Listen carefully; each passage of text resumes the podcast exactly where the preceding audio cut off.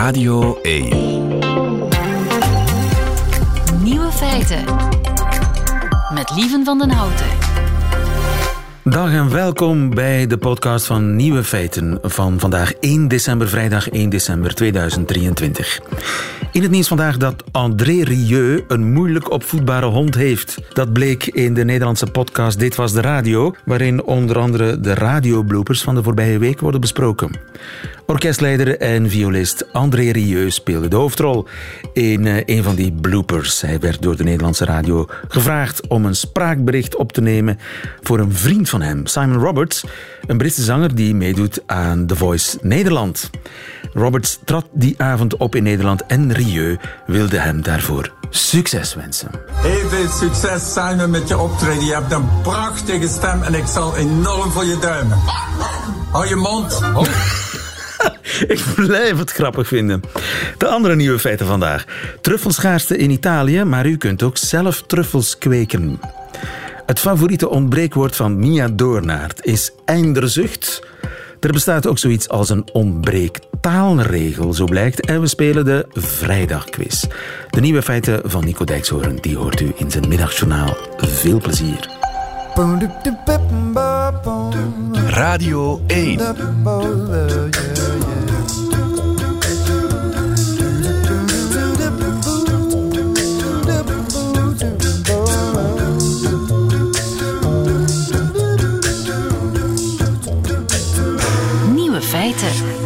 Voorzichtig met die truffels op de pasta, want de truffels die zijn bijna op en ze worden zeldzaam. Judith Evenaar, goedemiddag. Goedemiddag. Je bent eigenaar van de Truffelgaard. De Truffelgaard, Zeker. is, is dat een truffelkwekerij? Ja, ik ben truffelteler en ik deel de Bianchetti-truffel. In Nederland? Ik heb, ja, zeker. Lukt ja. dat? Ja, ik heb eh, voor het vierde jaar oogst gehad. En eh, ik, ja, dat, dat lukt. Voor het Ja. vierde jaar oogst gehad en wanneer ben je beginnen zaaien, als het ware? Ik heb eh, 300 eh, boompjes geplant in 2013. En in het zevende jaar kreeg ik productie. Dus je hebt zeven jaar moeten wachten op de eerste truffel. ja. Wauw. Ja. En eh, want een truffel, dat is een, eh, een zwam, geloof ik. Een, een soort paddenstoel die onder de grond zit. De truffel is het vruchtlichaam van, eh, van de truffelschimmel. Ja. En, En- dat is, die komt onder de grond. En die heeft een boom nodig. En die groeit in symbiose met, eh, met een boom. Ja. Maar truffels, dat denk ik aan Italië. Toch? Ja, maar de wereld van de truffel is groter dan Italië en Frankrijk. Hè? Ja. En wa- wa- wa- waarom vinden we die truffels meestal daar? Eh, Italië, Frankrijk, Spanje ook wel een beetje, denk ik. Eh, waarom vinden we die meestal daar? Omdat een aantal landen al een oude cultuur hebben van truffels zoeken. En omdat wij in Nederland nooit gekeken hebben. en in België misschien ook niet. Minder, hè? Maar dat weet je natuurlijk niet zeker. Maar er, er Misschien waren ze er niet, misschien waren ze er nog niet. En misschien waren er wel hunters en eh, die zeiden natuurlijk niks. Ja, ja, ja. ja. Dus Als je niet zoekt, maybe. vind je ze niet natuurlijk. Ja, Dus, zeker. Maar de kans is heel groot dat ook bij ons in het wild, in de Ardennen bijvoorbeeld, of in andere bosrijke gebieden, dat daar in het wild eh, truffels te vinden zijn in de bodem. Ja, zeker. Eh, want in Italië worden er eh, steeds, want het truffelseizoen is begonnen. En ja, je hoort allerlei alarmerende berichten dat er eh, weinig of geen worden gevonden in de klassieke truffelgebieden. Ja, maar er zijn natuurlijk verschillende soorten truffels, ieder met hun eigen gebied waar ze voorkomen. En de witte truffel, die is natuurlijk helemaal iconisch. Dat is absoluut iconisch eh, truffel. Ehm, en die is zo bijzonder ook omdat die, ehm, het verspreidingsgebied is kleiner. En eh, deze is ook nog moeilijker te telen. Dus de andere soorten deze worden we steeds beter in om te telen. En bij de witte truffel, die groeit nog langzamer. En er zijn nog meer geheimen van eh, hoe die zich voortplant. Eh, dus dat is nog moeilijker. Er zijn pas de eerste resultaten afgelopen jaren gelukt. Ja. Dus hij is, de, de wereld van de witte truffel is een bijzondere wereld. Maar ik vroeg me eigenlijk af of er in Italië minder truffels zijn dan andere jaren. Het is heel veel droger geweest de afgelopen jaren. Hè? En daar houden de dus truffels niet van? nee, dat is wel een, eh, een probleem. Want de truffel die heeft wel vocht nodig die om te groeien. En dus wordt, wordt, Nederland of Vlaanderen, wordt België, de Benelux misschien uh, beter uh, truffelland dan het klassieke mediterrane gebied? Het wordt hier warmer, dat is zeker. Maar wij hebben natuurlijk 2018, 2019 hebben we ook ontzettende droge jaren gehad.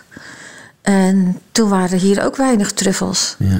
Dus ehm, ja, alles verandert. En we weten nog niet precies hoe, hoe dat gaat veranderen. Maar het lijkt er wel op dat in de mediterrane landen dat het te droog wordt voor, uh, voor, die, voor die truffels. Dus uh, ja, dus waar ze geteeld worden, wordt vaak, uh, veel vaker geïrrigeerd. Oké. Uh, en jij teelt ze. Uh, hoe, hoe oogst je die? Heb je daar een hond voor? Ik heb een hond getraind, ja. Oh, wauw. En die eet ze niet zelf op, toch? Hè? Want. In het begin deed ze het soms wel. En soms als ik hem niet kan vinden en ze denkt, hé, hey, kijk eens wat beter, dan eet ze hem stiekem op.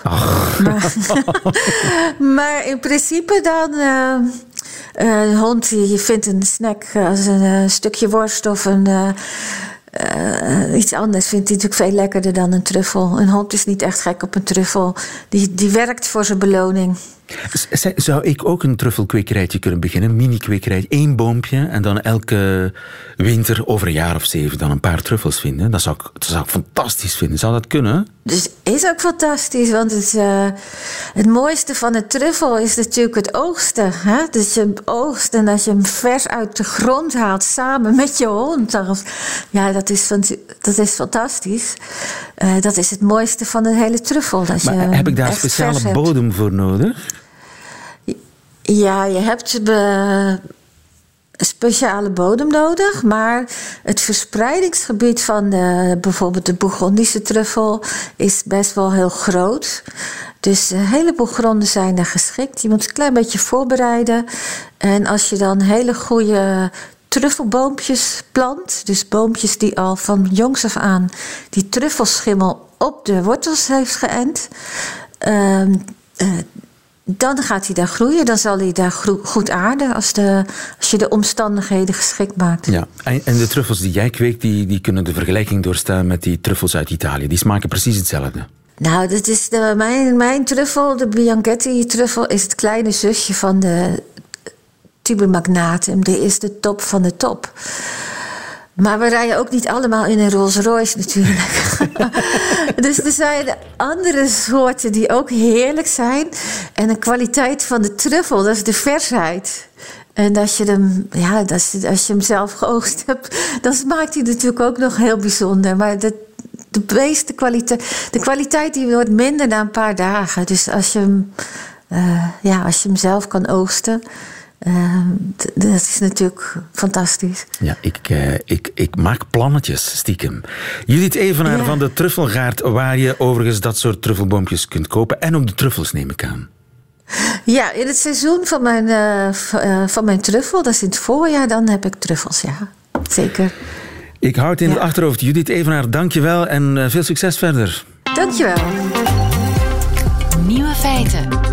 Elke woensdag kiest hoofdredacteur Ruud Hendricks van de Dikke van Dalen uit uw vele inzendingen een ombreekwoord. Dat doet hij al enkele maanden, een woord voor een fenomeen dat we allemaal kennen, maar waarvoor dus nog geen woord was. We hebben al een flinke lijst en met het zicht op het nieuwe jaar kiezen we.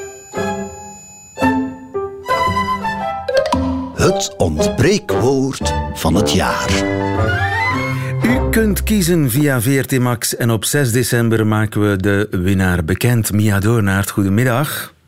Goedemiddag. U bent natuurlijk als uh, journalist uh, een taalliefhebber, dat spreekt vanzelf. U bent ook een van onze vijf ambassadrices van het ontbreekwoord. U zal ons helpen kiezen. Bent u grote fan van het ontbreekwoord, mevrouw Doornaert? Ja, geweldig. En ik bewonder de vindingrijkheid, de taalkundige vindingrijkheid van de vele mensen die suggesties insturen. Ja, ik vind het een geweldig initiatief. En heeft u een favoriet ontbreekwoord zelf? Ja, dat heb ik. En dat is einderzucht. Einderzucht. Ja. Wat betekent einderzucht ook alweer? Wel, omdat ik eindelijk een woord vond voor een aandoening of een gevoel dat ik altijd al had, maar niet kon benoemen. Einderzucht is een verlangen naar een einder, naar een brede horizon. Ergens kunnen staan met een onmetelijk uitzicht tot aan de verre einder en in een weldoende stilte. Dat is, ehm, ja, daar is nu eindelijk een woord voor dat mij helemaal ligt. Ja, het is het omgekeerde van heimwee. Eh, heimwee is verlangen naar huis. Einderzucht is verlangen naar ver weg. Niet zozeer verlangen naar ver weg. Ik hoef daarom niet naar een ander continent te gaan, maar gewoon ergens staan waar ik een heel breed uitzicht heb. Dat kan ook aan zee zijn. Als ik het niet te ver wil zoeken, Oké, kan zo ik zo het ook zien natuurlijk. Ja, ja, ja, ja. ja. Ja, als je aan de zee staat op een rustige dag buiten het toeristisch seizoen, ehm, dat heb ik bijvoorbeeld, ik heb een hevige aanval van einderzucht gehad, heel veel jaren geleden toen ik nog correspondent van de Standaard in Frankrijk was. Ik had een reportage in Bordeaux, mijn man was mee, en nadien gingen we naar de Landes. En dat is een landschap dat enorm aanwezig is in de romans van François Mauriac, die wij allebei heel graag gelezen hadden. Nu, de Lande, één keer als je vertrekt van de zeeweg in de dennenbossen, dat is dus dennenbossen en dennenbossen. En als er iets op iets anders lijkt, dan is het wel één den op honderdduizend andere dennen. En je hebt geen uitzicht, toch niet als je wandelt, als je fietst is misschien anders. Het voelde claustrofobisch aan. En dan zijn we gevlucht naar een hoge duin en daar hadden we zicht op een ruige oceaan die aan het stijgeren was tot aan de verre einder. En ik kon mijn einderzucht met volle teugen laven. Prachtig. En dan had je, had je een acute aanval van eh, einderzucht, of in elk geval die einderzucht die werd eh, acuut ook eh, bevredigd, als het ware, door die ruwe oceaan. Heeft, zou het te maken kunnen hebben met de plek waar je op de wereld bent gekomen? Want ik bijvoorbeeld ben opgegroeid in een huis met 360 graden zicht over een halve provincie. En ik heb daar ook wel eens last van, dat, die, die, die behoefte aan horizon. Wel, eh, het huis waar ik ben opgegroeid in Harelbeke bij Kortrijk lag enerzijds dicht bij het centrum, maar anderzijds hadden wij aan de achterzijde van het huis toch een zicht op weiden, op de leien die daar liep met haar jaagpad, dus daar was wel een uitzicht. Maar ja, ik weet niet waar het vandaan komt, want er is ook wat ik zou noemen een einderzucht in de hoogte. Ik ben op een paar plaatsen geweest, zoals Windhoek in Namibië of in de Amerikaanse staat Wyoming, die de aanloop vormt naar de Rocky Mountains. En waar je een hemel hebt die tweemaal zo breed lijkt als bij ons. En waar de sterrenhemel ongelooflijk is, omdat daar heel weinig lichtvervuiling is. En je ziet daar um, ja, een ongelooflijk uitspansel. En dan dat is dan ook rustig in alle stilte, een soort communie met jezelf, met de wereld, met het heelal, met het mysterie van het leven. Een godservaring, Ja, dat is- mevrouw Doornaert. Wel, godservaring niet, maar het moet nu lukken dat ik een paar dagen geleden bij vrienden een, een astrofysicus ontmoette. En ja, we waren daarover bezig. En met alles wat de wetenschap al kan, kan ze nog altijd niet bepalen hoe het leven precies ontstaan is. En als ik dan naar dat uitspansel kijk, dan word ik een beetje duizelig en denk ik, zouden wij de enige planeet zijn waar levende wezens wonen die de Matthäuspassie geschreven hebben, die de dom van Florence gebouwd hebben en dergelijke. Dus ja, dat vervult zo mijn wezen met existentiële vragen. Ja, en dan voel je dat je eigenlijk einderzucht hebt, zelfs naar de ruimte. Ja, en ik dacht ook eh, erbij eh, aan een gedicht van Slauerhoff, dat ik nu toevallig uit het hoofd ken, en dat heet De Vagebond. En hij moet ook een beetje einderzucht hebben, want hij schrijft in de laatste strofe, ik leef. Ik vrees alleen dat web van wegen dat zich al nauwer om de wereld spant, mij niet meer doorlaat naar dat vergelegen, steeds wenkend en steeds wijkend wonderland. Het En- steeds wijkend wonderland.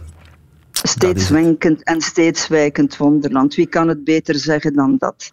Inderdaad, Mia Doornaert, waarvoor dank. Uh, einderzucht is uh, voor Mia Doornaert het ontbreekwoord van het jaar. Misschien bent u het met haar eens of juist niet. In ieder geval, u bent vrij om te stemmen voor elk ontbreekwoord dat hier geboren is de voorbije maanden. En dat kan dat stemmen via VRT Max. Het is een beetje ingewikkeld, maar eigenlijk ook helemaal niet. U moet naar de app gaan van VRT Max. Onderaan even zoeken, vindt u kanalen. En dan uh, vervolgens aan de bovenkant van het scherm van uw smartphone moet u scrollen naar Radio 1, daarop drukken en dan met een klein beetje zoeken vindt u het ontbreekwoord. Dankjewel, Mia Doornaar. Tot de volgende. Dag. Lieven van den Houten. Nieuwe feiten. Er ontbreken nog veel woorden, stellen wij elke woensdag vast in het ontbreekwoord, maar er ontbreken ook nog veel taalregels. En dat stelt Mark van Oostendorp vast. Goedemiddag, Mark. Goedemiddag. Je bent uh, taalkundige en organisator van de wedstrijd Bedenk een nieuwe taalregel. Een soort van ja. ontbreekregel, zeg maar. I inderdaad. Dus dat doen we al sinds um, elf jaar. Dus ik doe dat uh, voor het uh, tijdschrift Nederlandistiek, elektronische tijdschrift. En er zijn jaren dat we het niet, uh, dat we het niet hebben gedaan, maar we, ja, er zijn dus nu al veel jaren voorbij. En de bedoeling is, kijk, het is een beetje een, eh, een uh, wedstrijd met een knipoog. Want we zeggen, we willen ervoor zorgen dat het Nederlandse taal zo ingewikkeld wordt dat alleen professionals hem nog echt kunnen beheren. Waarom zou je dat willen? Nou, bijvoorbeeld, kijk, als taalkundige kijk je altijd met enige jaloezie naar de juristen die voor heel veel geld worden ingehuurd om die verschrikkelijk ingewikkelde wetgeving uh, uit te leggen. Terwijl ja. Uh, de, dus waar is onze werkgelegenheid uh, ja, dus wat de, dat betreft? De taal is dus, nog niet ingewikkeld genoeg. Mark. Nee, dus waarom is het zo dat iedere willekeurige persoon die helemaal geen Nederlandse taal en cultuur heeft gestudeerd, toch het Nederlands zomaar zou kunnen hanteren? dus daar willen we paal en perk aan stellen. En dus daarom is de oproep om regels te maken die liefst zo ingewikkeld zijn dat ze echt alleen maar na zorgvuldige training goed kunnen worden gehanteerd. Een bijkomend voordeel is natuurlijk dat we dan nog makkelijker de hele tijd mensen kunnen uitlachen die zo dom zijn om zich niet aan die regels te houden. Maar het is me nog niet helemaal duidelijk. Is het een knipoog naar de pedanterie van de gemiddelde taalkundige? Of is het een knipoog naar ja, de absurditeit van de taal zelf? De, de ongerijmdheid van het Nederlands? Het is een knipoog naar onder andere dat eerste. En het is een uitnodiging om te spelen met dat tweede. Dus te spelen met ja, die vele. Eh, de mooiste regels die er gewonnen hebben, waren volgens mij vaak regels die juist iets deden met ja, de, de ingewikkeldheid en de onlogica die het Nederlands soms heeft. Hè. En dat waren regels die dus dan die zogenaamde onlogica recht gingen trekken. En het dan nog weer een stukje onlogischer maakt uh, op die manier. Uh, geef eens een voorbeeld, want dan wordt het uh, denk ik duidelijker. Ja, dan, dan wordt het duidelijk. Behalve dat het natuurlijk altijd gaat per definitie over heel ingewikkelde regels. Maar mijn favoriete winnaar is geloof ik nog steeds een van tien jaar geleden. Dat was Bert Capelle, die woont in Brugge of ergens daar in de buurt. Hij werkt aan de Universiteit van Rijssel, overigens als docent Engels en niet Nederlands. Maar goed, dat hebben we hem vergeven. En zijn regel gaat over het woordje er. Er is namelijk met het woordje er is van alles aan de hand in het Nederlands. Het is een super fascinerend woordje. We weten dat buiten landers of anderstaligen het vaak heel moeilijk vinden om precies dat woordje te leren. Ja. En een van die redenen daarvoor, daarvoor, is dat je dat op verschillende manieren kunt gebruiken. Dus je hebt een, wat we noemen een presentatief R. Dat is, uh, er staan zeven boeken in de kast. He, dus dan uh, in zo'n soort zin waarin je iets presenteert, waarin geen onderwerp staat aan het begin, zet je dat woordje R. Dat is een functie van R. Mhm. Een andere functie van R is als je zegt, uh, ik heb zeven boeken. Hoeveel heb jij R? Ja, wat is dat? Die ur? er. Ja, dus daar is het een soort. Dus daar komt het in de plaats van die boeken. Hè? Dus ik heb zeven boeken. Hoeveel boeken heb jij er? Dus na een, een getal.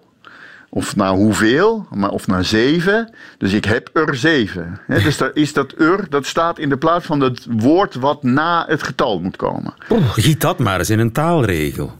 Ja, ja nou, dit, we, zijn er nog niet. Oh, help. Wat denk je wel? Kijk, er is nog een derde soort ur. En dat is een ur van plaats. We- Dus We Eh, zijn er. Ik heb in de kast gekeken en er staan zeven boeken. Dus er betekent daar daar. Oké, nu. Maar nu komt het. Die soorten er, die kun je allemaal samen in een zin gebruiken. Dus je kunt zeggen, nu staan er nog maar zeven. Daar heeft dat er al die betekenissen tegelijkertijd. Ik heb in de kast gekeken of er boeken zijn. Nu staan er maar zeven. Dat heeft alle drie de betekenissen tegelijkertijd. Maar de slordige, lakse taalgebruiker, zei Capelle tien jaar geleden, die gebruikt zegt maar één keer er. Eigenlijk, omdat er daar drie verschillende betekenissen van ur zijn, moet je ze alle drie uitspreken. Dus eigenlijk, als je goed Nederlands wil spreken, moet je zeggen: nu staan er, er, er, nog maar zeven. Oké, fantastisch. En sindsdien Ja, wordt die eh, regel nooit toegepast. Nee, dus die, die regel hebben wij opgenomen in ons eh, stijlboek natuurlijk. Maar tot onze grote ergernis, iedere keer dan schakelen we weer in bij nieuwe feiten. En dan zegt de presentator toch weer maar één keer er, terwijl het er eigenlijk drie moeten zijn. Dus eh, er, eh, wat moet ik zeggen? Er staan er, er, er nog zeven.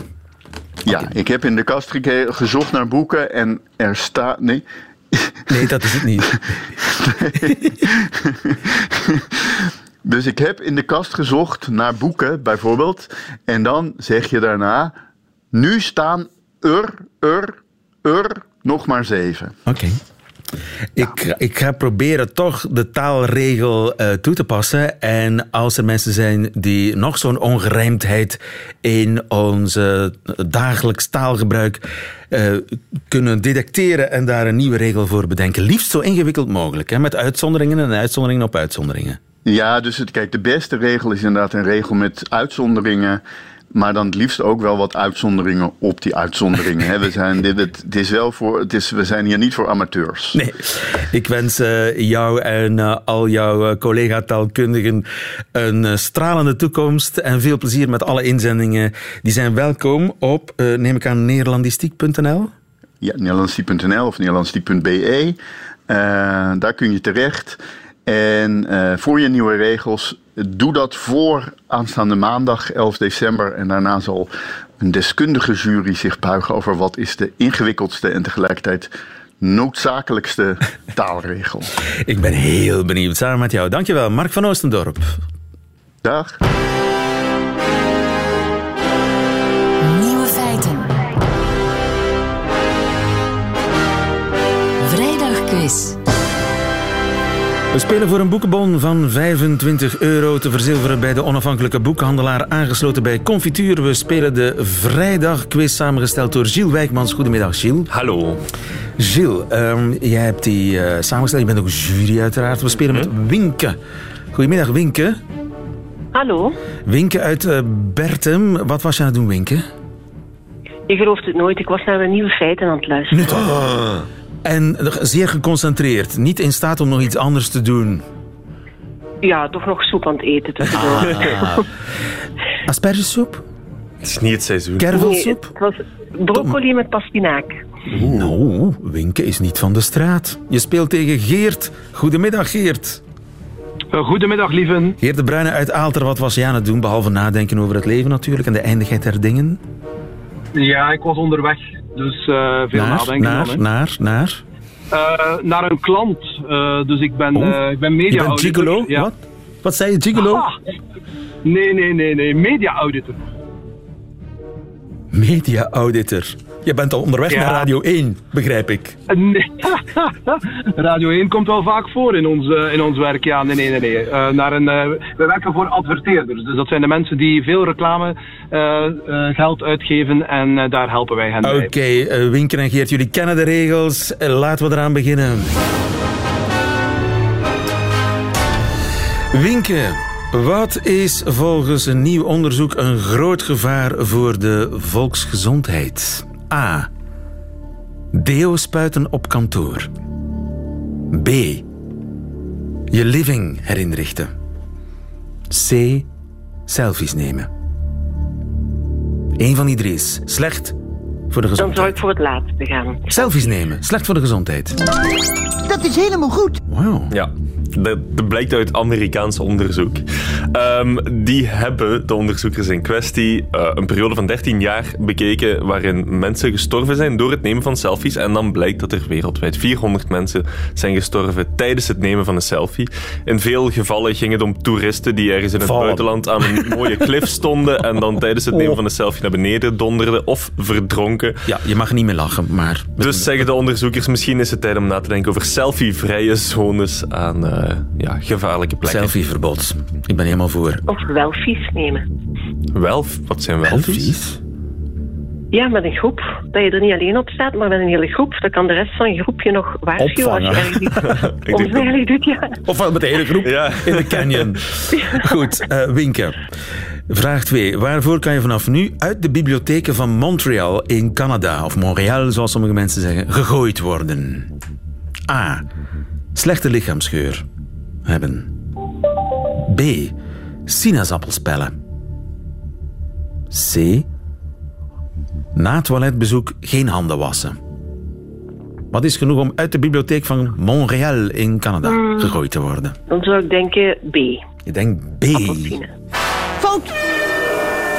Het kan stinken, maar het is niet genoeg om uit de bibliotheek te, te vliegen. Geert, wat denk jij? Ehm, ik ga voor A.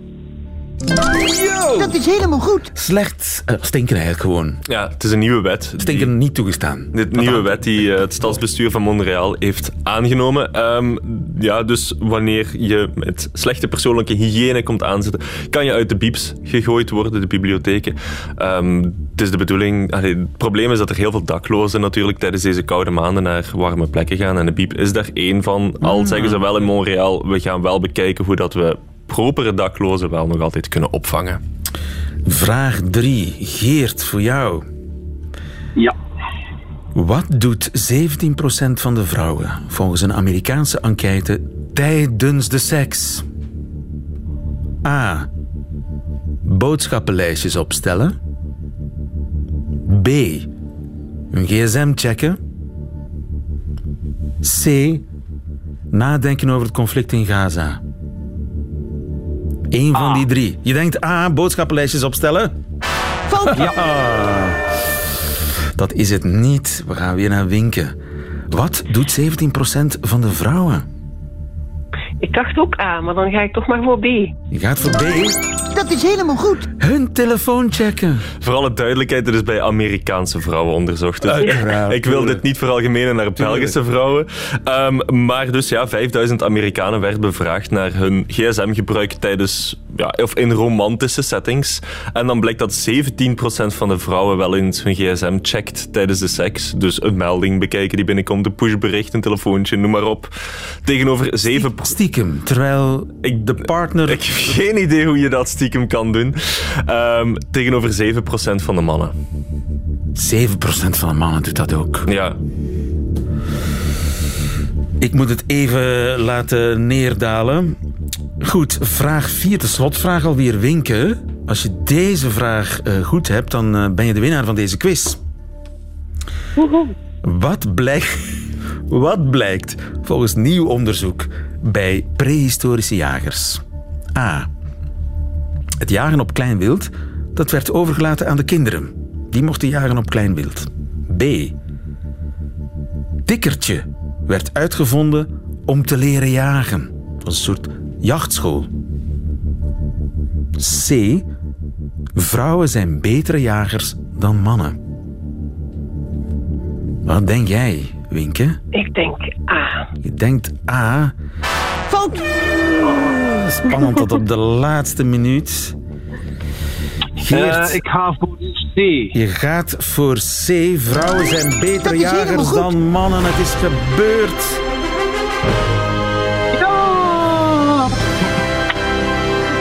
Helaas, Winke. Ja. Helaas. Maar je had hele fancy soep, hè? Je had hele fancy soep. Dat is toch Ja. wel mooi. Sorry Winke, sorry Winke.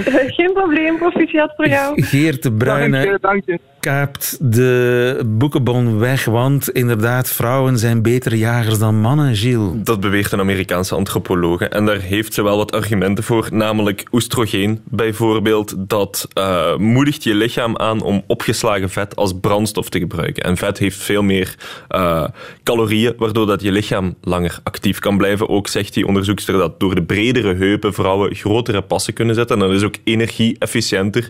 Er zijn ook al graven gevonden van prehistorische jagersvrouwen waarbij jachtmateriaal werd gevonden. Dus er is eigenlijk weinig bewijs om aan te nemen dat vrouwen niet zouden jagen of heb, zouden gejaagd hebben. Ja, maar ik heb het gevoel dat het toch nog een beetje verder onderzocht moet worden. Het zou kunnen, hè? Alles moet verder onderzocht Geert, gefeliciteerd met je boekenbon. Weet je al welk boek je gaat kopen? Ik ga voor een uh, kookboek over soepen, want ik heb wel zin gekregen in die pastinaak met broccoli. Pastinaak met broccoli. Stuur het recept door als je het gevonden hebt. Geert de Bruining, nogmaals gefeliciteerd. En volgende week is er weer een uh, vrijdagquiz. En speciaal voor jou haal ik dit uit Limburg. nog een. Nog een? Nog een. Nog een natuurlijk. Jij gaat meezingen? Ik ken het nog nooit gehoord. Hopla.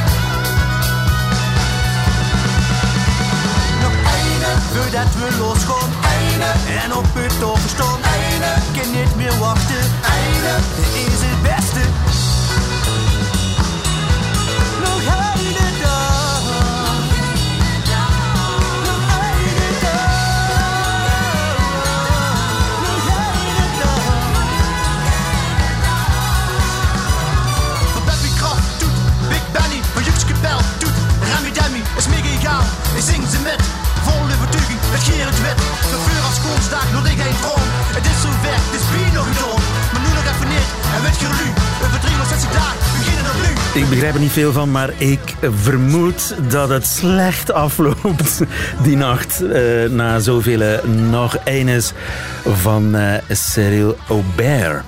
Het middagjournaal, Nico Dijkshoorn. Nieuwe feiten. Middagjournaal.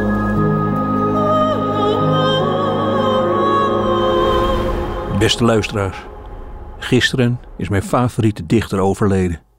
Hij schreef 40 jaar lang zinnen die rechtstreeks mijn hart binnendenderden. En altijd ging het over de liefde of geen liefde, maar toch vooral over durven. In de stromende regen door een onbekende stad lopen en dan de mensen herkennen die, net als jij, niet met een dekentje op schoot zitten na te denken welke hond ze nu weer eens zullen gaan kopen. Het fijne is dat mijn favoriete dichter ook nog eens een keer zong. Nou ja, zingen. Hij knauwde zijn woorden recht in je gezicht. En ik heb het over Shane McGowan, de zanger van The Pokes. Een band die midden in de punkgolf besloot om ook punk te gaan spelen, maar dan met banjo's, mandolines en romantische teksten over het leven in de stad en de vechtpartij in de kroeg. Ik heb enkele maanden geleden een half maandsalaris uitgegeven voor een zeer zeldzame bundeling van Shane zijn mooiste teksten. En ik heb daar geen seconde spijt van. Iedere zin is raak. Ik ken geen andere dichter die zo fysiek een nachtelijke dronken wandeling door een regenachtig Londen beschrijft. Maar ik wil het hier niet hebben over de dronken Shane, de tandeloze Shane, de Shane die ondersteund door een roadie naar zijn microfoon moest worden gebracht. Het gaat mij echt puur om zijn teksten vandaag. Zijn vrouw legt het in een documentaire zo mooi uit. Achter haar staat Shane, vloekend met zijn broek half van zijn reet over zijn eigen schoenen heen te pissen. En ze kijkt even om, hij roept iets geks naar haar en daarna kijkt ze weer in de lens. Ja, zegt ze, dit is natuurlijk vreselijk. Maar dan lees ik over een half uur twee zinnen die hij vanochtend heeft geschreven en dan ben ik trots dat ik bij hem in de buurt mag zijn. Mijn lievelingsliedje is A Pair of Brown Eyes. Alleen die titel al. In de eerste zinnen schetst Shane moeiteloos een kroeg vol verloren zielen die schreeuwend en tierend warmte zoeken bij elkaar. Shane heeft het over een jukebox waar een zekere Johnny zingt over een ding dat liefde heet. En daarna zingt hij over wat hem overeind houdt in het leven. De ogen van een vrouw. En gisteren heb ik dat liedje in het Nederlands proberen te vertalen. En luisteraars, het was een worsteling. Iedere lettergreep moet precies op de goede plek zitten. En iedere lettergreep moet goed worden gezongen. En als ik dat ooit ga doen, moeten mensen er ook nog eens iets bij gaan voelen. Luisteraars, dat gaat me nooit lukken. Shane McCowan, die deed dat een leven lang, moeiteloos. Vreselijk dat hij dood is. Ik voel mij vandaag zoals zijn vrouw. Het was een voorrecht dat ik leefde toen hij leefde. Dank Shane.